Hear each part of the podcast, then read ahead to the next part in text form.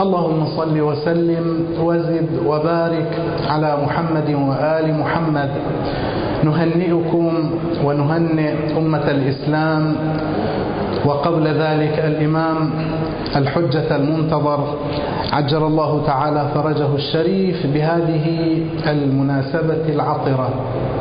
ذكرى ولادة الإمام محمد التقي الجواد صلوات الله وسلامه عليه. في هذه المناسبة العزيزة على القلب لأن الإمام سلام الله عليه لعله بل هو هكذا أول إمام من الأئمة الاثني عشر الذي تقلد ذمة الإمامة وكان له من العمر سبع سنوات, سبع سنوات. واستمرت هذه الإمامة لمدة سبع عشرة سنة. فلذلك نريد أن نتوقف هنا عند عنوانين. إن شاء الله الوقت الذي أعطوني إياه آه، وقت جدا قصير ولكن نحاول أن نختصر وأن نضغط ونتمنى من الإخوان أيضا أن يشاركونا بالتوجه والانتباه. نقطتان إن شاء الله. النقطة الأولى حول الإمامة في الصغر والنقطة الثانية حول الأدوار والإنجازات. سبع عشرة سنة إذن. هي مدة إمامة الإمام الجواد سلام الله عليه. ولادته كانت في سنة مئتين مئة وخمسة وتسعين واستشهاد أبيه الإمام الرضا سلام الله عليه كان في سنة مئتين وثلاث. ووفاته واستشهاده سلام الله عليه كان في سنة 220 فمن 220 إلى 203 سبع عشرة سنة كاملة. الكلام مو هنا. الآن من المسائل المعتادة عندنا نحن أننا نتكلم عن الإمام الجواد وأنه كان قد تسنم كرسي الإمامة وكان له من العمر هذا الرقم أو العدد الصغير سبع سنوات وهكذا بعده ابنه الإمام الهادي ثم بعد ذلك الإمام الحجة المنتظر عجل الله فرجه الشريف. عادية. ولكن إذا رجعنا إلى ذلك الزمن يعني أوجد زلزالا في أوساط المؤمنين. اليوم نحن إذا رأينا شخصا حتى لو كان هو في داخله عنده كثير من الكمالات بمجرد أن نسمع أنه طفل بمجرد أن نسمع أنه صغير يأتي في داخلنا الاستغراب والتعجب. كيف يمكن؟ ولذلك هذه من المسائل التي ينبغي أن تناقش وينبغي أن نفهمها ونستوضحها حتى إذا واحد رد علينا إذا واحد ناقشنا الجواب يكون واضحا. هل يمكن؟ هل أن هذا ممكن عقلا؟ هل هو ممكن عادة؟ أم لا؟ طبعا هذا من باب الإشارة فقط. في بعض المرويات أن الإمام سلام الله عليه حينما صار إماما. ذكرت بعض الروايات أن أكثر المؤمنين التبس عليهم الأمر. الإمام الرضا استشهد بالسم والإمام صغير ست سنوات وأشهر أو سبع سنوات. تصور الآن واحد سبع سنوات والكلام هو لا يريد أن يدير مدرسة ولا يدير بلدا. ولا يدير قبيلة بل حتى لا يدير المسلمين. يدير العالم كله العالم كله. لولا الحجة لساخت الأرض ومن عليها. فلذلك يقولون أن ثلاثة فقط هم بقوا على الاعتقاد الراسخ بأن الإمام هو الإمام الجواد سلام الله عليه. يحيى ابن أم ابن أم الطويل وخالد أو أبو خالد الكابلي وحكيم بن جبير. هؤلاء الثلاثة هم الذين رسخوا وثبتوا وإلا الآخرون مثلا ذكروا أن مشايخ من الشيعة اجتمعوا التبس عليهم الأمر. الآن بعد الإمام الرضا ماذا نفعل؟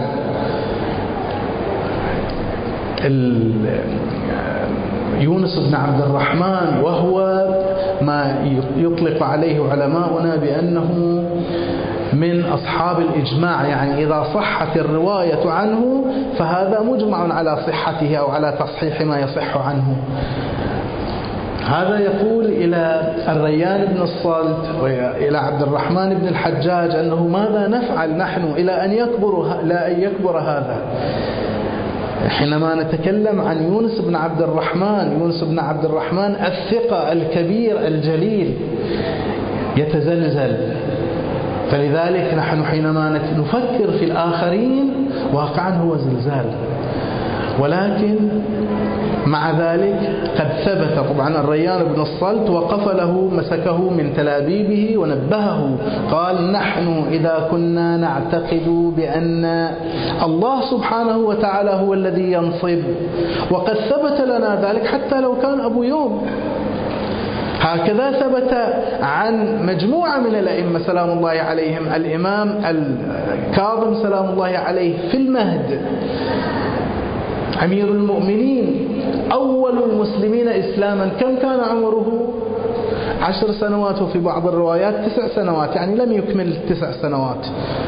نحن لا نقول إنه صغير أول المسلمين الصغار إسلاما بل نقول أول المسلمين على الإطلاق إسلاما.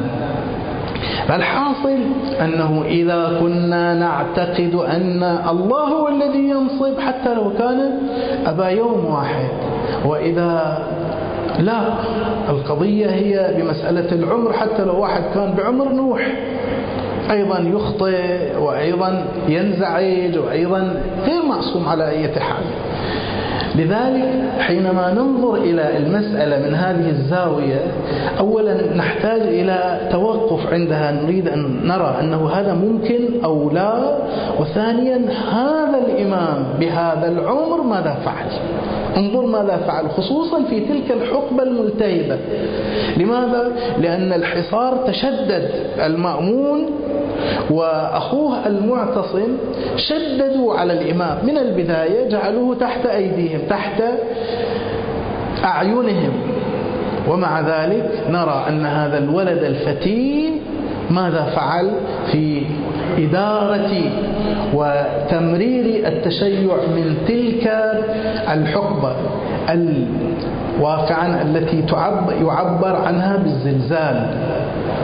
في قبل هذه الفترة في زمان الإمام الكاظم سلام الله عليه بعد وفاة الإمام الكاظم حصل شيء يسمونه الواقفة أو الواقفية. وقفوا على الإمام الكاظم. طبعا القضية هي ماذا كانت؟ كانت قضية مال فلوس جيوبهم انترست امتلأت بالأموال فحينما استشهد الإمام الكاظم وجاء الإمام الرضا يطالبهم بهذه الأموال قالوا إننا لا نعتقد بإمامتك. ووقفوا على الإمام الكاظم وإنما وقفوا على جيوبهم. في زمان الإمام الصادق سلام الله عليه أيضا كان هناك وقف ولكن الوقف كان بسبب التباس ولذلك بسرعة رجع الأمر. في زمان الإمام الجواد سلام الله عليه أيضا حدث وقف. هذا الوقف بسبب هذه المشكلة بسبب هذه الظاهرة. أول مرة في الأئمة سلام الله في الكرة الأرضية من يكون في الأئمة سلام الله عليه من يكون الإمام الذي يقود العالم وهو بهذا العمر. طبعا نحن من ناحية عقلية الأمر واضح بأنه ممكن. ليش؟ لأنه هي مسألة العلم ومسألة الفهم من عندي أنا أنا الذي أجعلها في نفسي الله سبحانه وتعالى هو الذي يجعلها لي الله سبحانه وتعالى فالله سبحانه كما قال الإمام الباقر أو الإمام الجواد سلام الله عليه لأحد من اعترض عليه لو أن الله جعل العلم في نملة. أكان يقدر في رأس نملة؟ أيقدر على ذلك أم لا؟ المعترض قال نعم يقدر. فقال أنا لست أقل من نملة. أنا لست أقل من نملة. فإذا القصة إذا كانت بيد الله سبحانه وتعالى فله أن يفعل ما يشاء. من الناحية العقلية ما فيها رب العالمين جعل الشجرة تتكلم. وفي يوم القيامة أيضا سوف يجعل أيادينا أيادينا أرجلنا جلودنا تنطق أيضا. قالوا من أنطقكم أو آه، لما شهدتم علينا؟ قالوا أنطقنا الله الذي أنطق كل شيء. فإذا من الناحية العقلية ما في مشكلة. من الناحية العادية أيضا يعني عادة البشر صحيح هو أمر نادر قليل ولكنه أمر ممكن. اليوم حتى في عالمنا المعاصر نحن نرى نقرأ مثلا عن البعض وهذا من كل الأقوام ليس مختصا في قوم دون قوم. ناس في عمر أربع سنوات خلصوا الجامعات. لابد واحد واحد منا تقريبا قرأ وطالع وشاف بعض التقارير. واحد مثلا روسي يخلص الجامعات مو يخلص البكالوريوس. فوق الدكتوراه أربع سنوات يمتحن امتحانات عليا فيجيب عليها. من أفغانستان من المصريين من مجموعة من الدول ومن الأقوام ووصلوا إلى مراتب عالية جدا. فإذا حتى من الناحية العرفية هذا الأمر صاير. اليوم هذا كمثال محمد حسين الطباطبائي كان يسأل بأسئلة أعلى من المستوى الجامعي فكان يجيب. فهذه المسألة إذا ممكنة بل حاصلة أيضا. بل حاصلة. لكن طبعا نحن نتكلم عن الإمام سلام الله عليه بما أنه مو فقط يعرف أو واسع الاطلاع. لا نتكلم عن عالم. نحن نتكلم عن ماذا؟ عن إمام معصوم قائد لكل العالم. لكل العالم. حينما نأتي إلى القرآن الكريم سبحان الله القرآن كأنه يشهد إلى الأئمة. يعني كل ما تحتاج أنت إلى الأئمة لشهادة آه، لإثبات مواقفهم تروح ترجع إلى القرآن الكريم جايب لك نبي من الأنبياء حتى ماذا؟ مثلا طول عمر الإمام المهدي يجي لك ماذا؟ نوح. صحيح؟ فبالنسبة إلى هذا نبيان مسلمان أحدهما عيسى عليه السلام والآخر يحيى. يا يحيى خذ الكتاب بقوة وآتيناه الحكم. صبيا الحكم يعني يعني النبوة. صبيا فإذا صبي ويمكن أن يكون نبيا؟ يقول نعم. الله سبحانه وتعالى إذا أراد يقول للشيء كن فيكون. بالنسبة إلى عيسى عليه السلام بعد أكثر من هذا عيسى جاءت به أمه تحمله قالوا يا مريم كيف نكلم من كان في المهد؟ صبيا فأشارت إليه قال إني عبد الله آتاني الكتاب وجعلني نبيا واحد. بهذا عمره كم كان؟ وليد. يكلم في المهد يتكلم في المهد. ومو بس يتكلم في المهد القرآن الكريم كيف؟ ماذا يقول؟ وجعلني نبيا. فإذا عيسى عليه السلام جعله الله نبيا. فهذا الأمر مو أنه ممكن بل ماذا؟ بل واقع. وإذا حصل قبل ألفي سنة يحصل أيضا قبل ألف سنة. ما الفارق؟ ما المانع؟ بل أكثر من هذا الذي يؤيد هذا الأمر أن أشد المخالفين نصبا وعداوة لآل البيت يشهدون للإمام سلام الله عليه هذه المكانة والمقام العالي. يعني مثلا الآن يأتي في بالكم مثلا من أشد الناس نصبا وعداوة؟ واحد مثل ابن تيمية. واحد مثل الذهبي. واحد مثل سبط ابن الجوزي. أو مثلا ابن طلحة. هؤلاء ينصون على مقام ومكانة الإمام الجواد سلام الله عليه. مع أن الإمام الجواد الذي يتكلمون عنه هو ذلك الطفل. وإلا كانوا يأخذونه مأخذ ماذا؟ المزاح والهزء. ولكنهم رأوا أمامهم علما يتحرك. رأوا أمامهم مثل ما فعل علي بن جعفر علي بن الإمام جعفر الصادق سلام الله عليه.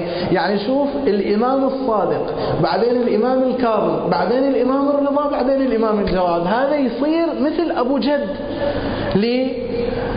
للإمام الجواد والإمام الجواد بذلك العمر ولكن عليا ابن جعفر عرف مقام الإمام سلام الله عليه ولذلك هو يذهب ليستقبله فيعترض عليه أصحابه أنت في هذا العمر وفي هذا المقام العالي الجليل من العلم وتقوم وتتخضع بهذا الشكل له يقول إذا لم يرى الله سبحانه وتعالى خيرا في هذه الشيبة.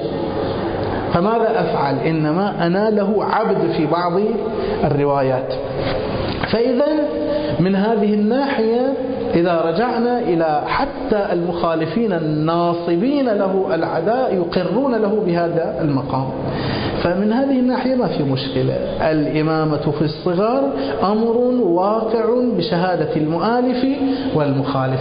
طيب الآن ننتقل إلى العنوان الآخر وهو هل أن الإمام سلام الله عليه بهذا العمر قلنا إنه من سن السابعة إلى سن الخامسة عشرة يعني بداية البلوغ كم سنة؟ ثمان سنوات أدار كفة التشيع بالتالي الإسلام لأننا نعتقد اعتقادا جازما أن الذي يحفظ هذا الدين هو الله سبحانه وتعالى على يد من؟ على يد أوليائه يعني في زمن رسول الله رسول الله وفي زمن أمير المؤمنين هكذا إلى أن يصل إلى الإمام الحجة المنتظر ولولا دم الحسين لم يبق لا دين ولا قرآن ولا سني ولا شيعي. هؤلاء هم الذين حفظوهم طبعا بفضل الله سبحانه وتعالى. فماذا فعل هذا الولد الفتي؟ نشوف الآن في بشكل عاجل وسريع على عدة أصعدة يمكن واحد يتكلم فيها بشكل مفصل ولكن نحن نشير مجرد إشارات. أخاف أن الوقت نعم يأخذنا. نتكلم على الصعيد السياسي والأمني والصعيد العلمي والاعتقادي والصعيد الفكري والإداري.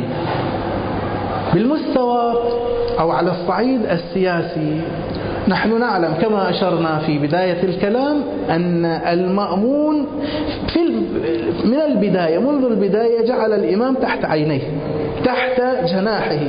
فلذلك أمر بأن يزوج ببنته أم الفضل. طبعا البعض أو هو هكذا في ظاهر الحال. أظهر للناس على أنه هذا حب وتقرب إلى الإمام الجواد سلام الله عليه. لكن الذي يقرأ ما وراء السطور والذي يعرف ماذا فعل بأبيه يعرف. ولذلك الإمام آخر المطاف أيضا من الذي قتله هذه البنت التي زرعها المأمون على يد المعتصم أو جعفر ابن المأمون فيما بعد؟ لكن مع هذا الذي حصل إلا أنه أدار كفة المعركة. قلنا أو كفة الحالة السياسية.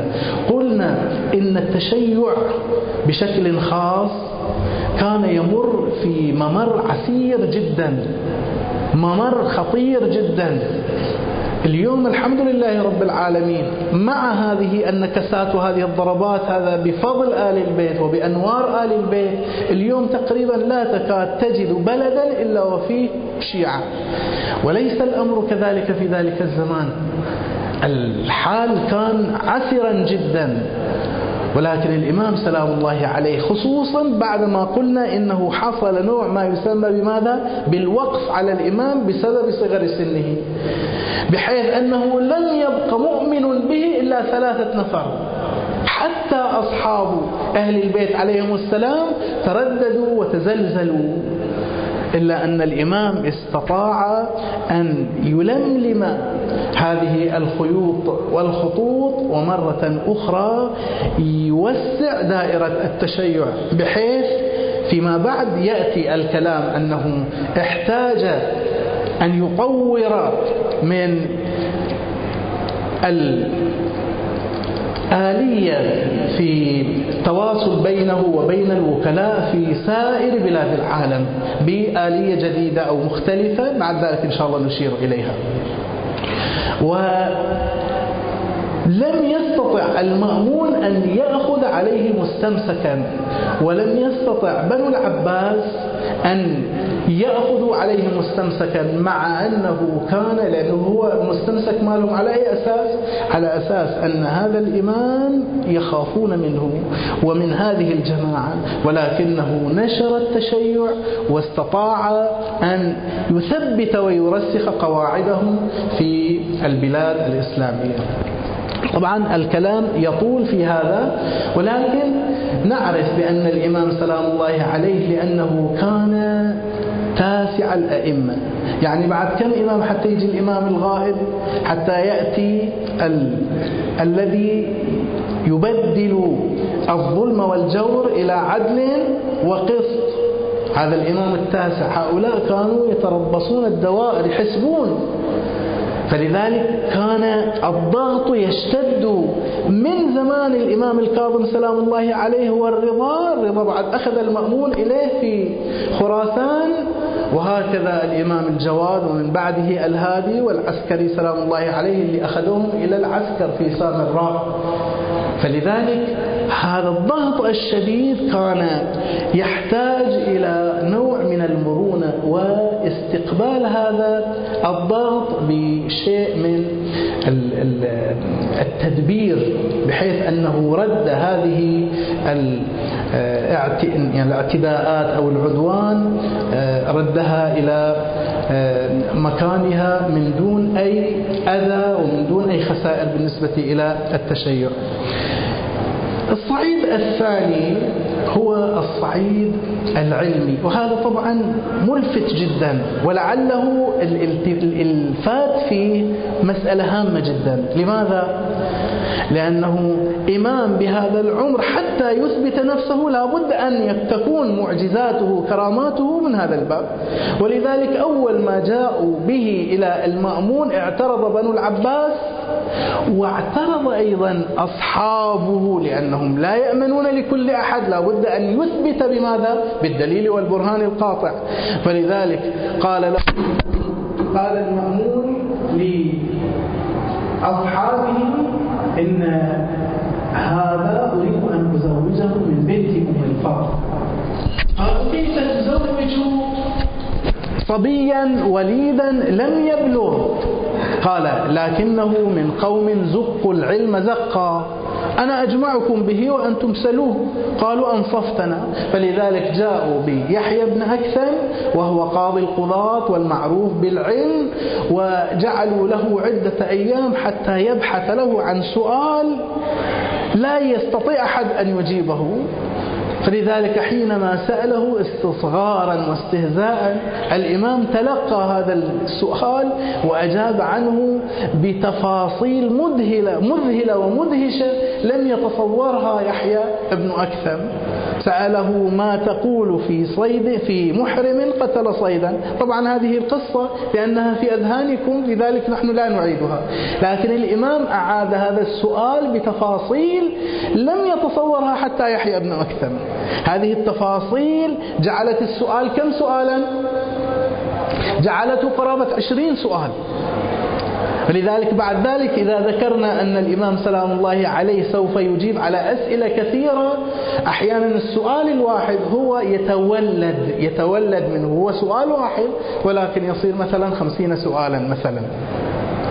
فلذلك رد عليه الإمام سلام الله عليه بعد ذلك حينما آه، يعني سقط في يد يحيى بن أكثم وافتضح قال أنت الذي تجيب. فأجاب الإمام سلام الله عليه واحدة واحدة أن هذا المحرم الذي قتل كان في الحيل أو في الحرم كان نعم في ليل أم في نهار قتله في الداخل قتله وهو آه، في داخل الحرم أو في خارج الحرم من صغار الصيد من كبار الصيد من آه، وحوش الطير أم من الطيور الأليفة وهكذا مجموعة أسئلة. وهكذا أيضا حينما سأله أصحابه لأنهم وقعوا حقيقة في حيص وبيص أصحاب الإمام سلام الله. اجتمع ثمانون من أصحاب الإمام. بالنتيجة الإمام أحد الأمور التي يتوقع منه أنه ماذا يجيب على الأسئلة. هكذا في كل إمام إذا أنتم تلاحظون هذا الأمر يتكرر. كانت عندهم مسائل. راحوا طلع منهم عبد الله بن موسى. عبد الله بن موسى سألوه في المسجد فأجابهم بإجابات شافوا أنها مو صحيحة. هؤلاء مو جهلة علماء. ولكن الإمام حينما يجيب عليهم يعرفون أن هذه الإجابات في مكانها. فلذلك هناك قام الإمام سلام الله عليه هذا الطفل من أمام هؤلاء الذين التبس على الأمر عليهم فأجابهم عن مسائلهم واحدة واحدة. ثم بعد ذلك أيضا جاء قوم من الأطراف والأكناف فسألوا فأجابهم الإمام سلام الله عليه عن مسائلهم بتفاصيلها حتى أنهم ذكروا إنه أجاب في مجلس واحد عن ثلاثين ألف مسألة. يكون يعني ثلاثين ألف مسألة في مجلس واحد هل هذا ممكن أو غير ممكن؟ أحد التفسيرات توجيهات الذي ذكرناه قبل قليل وهو أن السؤال الواحد يتفرع منه هو سؤال ولكن في دقيقة واحدة يفرع منه خمسين سؤالا. بعض العلماء قالوا المقصود المبالغة خصوصا يعني إحصاء ثلاثين ألف مسألة صعب. فهو المقصود المبالغ كما نحن نتعارف أحيانا نقول مثلا في ستين داهية في ستين ألف داهية فأثبت الإمام سلام الله عليه جدارة واضحة في هذا المذهل. لا يمكن أن يجيب مثل ما يحصل بعد ذلك الإمام الحجة وعمه جعفر. صحيح؟ أيضا ننتقل إلى صعيد آخر ونختم لأن الوقت محدود وهو الصعيد الفكري والإداري إذا صح التعبير. الغيبة. اليوم نحن أيضا نتقبلها بشكل طبيعي. ولكن الناس كانت تحتاج إلى الإمام دائما أمام أعينهم. إذا غاب الإمام يستشعرون في أنفسهم بالزلزلة والبلبلة. مرة واحدة الإمام الذي كان دائما معروضا أمام الكل مرة واحدة يختفي مو يوم يومين لا إلى أمد غير مسمى ألف سنة أو أكثر من ألف سنة. هذا ما يستطيع أحد أن يتقبله. اليوم كثير من الناس لطول المدة أخذوا ماذا؟ يشككون ويتلبس عليهم. فلذلك هذه القضية كان لابد لها من تمهيد. فلذلك حكمة الله سبحانه وتعالى اقتضت أن يكون الإمام سلام الله عليه يمر بهذا الشكل من الغيبة بهذا الشكل من آه، الإمامة في آه، يعني زمن الطفولة كما يحصل بعد ذلك الإمام الحجة أن يكون الإمام وهو في عمر الخامسة. كذلك الإمام الجواد سلام الله عليه. فلذلك الناس وإن كانت يعني صارت عندها ردة فعل لكن بسبب ردود الإمام ومواقف الإمام شيئا فشيئا تقبلت الوضع. وبعد ذلك الإمام الهادي وبعد ذلك الإمام العسكري والإمام الحجة حتى بالنسبة إلى الغيبة الصغرى والغيبة الكبرى أيضا هي في مراحل حتى يتقبل الناس هذا الشكل لأنه صعب جدا أن تكون الغيبة فجائية. وهكذا من ناحية أخرى الإسلام أو التشيع مر بطور جديد من الأطوار التي جعلها أو فعلها الإمام الجواد سلام الله عليه أشير إلى هذه النقطة فقط وهو أن الواقع الأول كان الكل موجودين في المدينة المنورة في المدينة ومكة في الكوفة. الأمور كانت المدن كانت قريبة بعضها من بعض فلذلك يأتون إلى الإمام ويسألونه لكن في زمن الإمام الرضا وهكذا وإنت نازل يعني الإمام الجواد وإلى توسع توسعت رقعة المؤمنين بحيث صاروا يسكنون في الأطراف والأكناف في طوس في خراسان في أماكن بعيدة. فلذلك استجدت مسألة. هذه بداياتها ظهرت من الإمام الجواد سلام الله عليه. من قبل إذا واحد يكون عنده سؤال لازم وين كان يروح؟ يروح للإمام نفسه يسأل الإمام. إذا يسأل واحد ثاني يرد لازم يسأل الإمام حتى يتأكد. لكن من زمان الإمام الجواد سلام الله عليه بين لأصحابه أنه إذا واحد عنده مسألة يقدر يروح إلى وكيلي في الري يروح إلى وكيلي مثلا في خوزستان في الأهواز إلى هذه مسألة الوكالة لن تكون موجودة. وبالتالي يعني لمت شعثا وخفت خففت من هذه الزلزلة والبلبلة الموجودة. فالإمام سلام الله عليه الذي جاء في هذا العمر والوضع عند الشيعة كان يعني قد وصل وبلغ مبلغا سيئا جدا في وسط حياته الإمامية يعني في إمامته تحول الأمر استتب الأمر له وزاد التشيع وثبت أصحابه على هذا الدين وترسخت عقيدتهم بفضل حكمة وحنكة الإمام سلام الله عليه. طبعا هذه رؤوس أقلام أحببنا أن نتوسع ولكن مع ذلك أنا أطلت عليكم.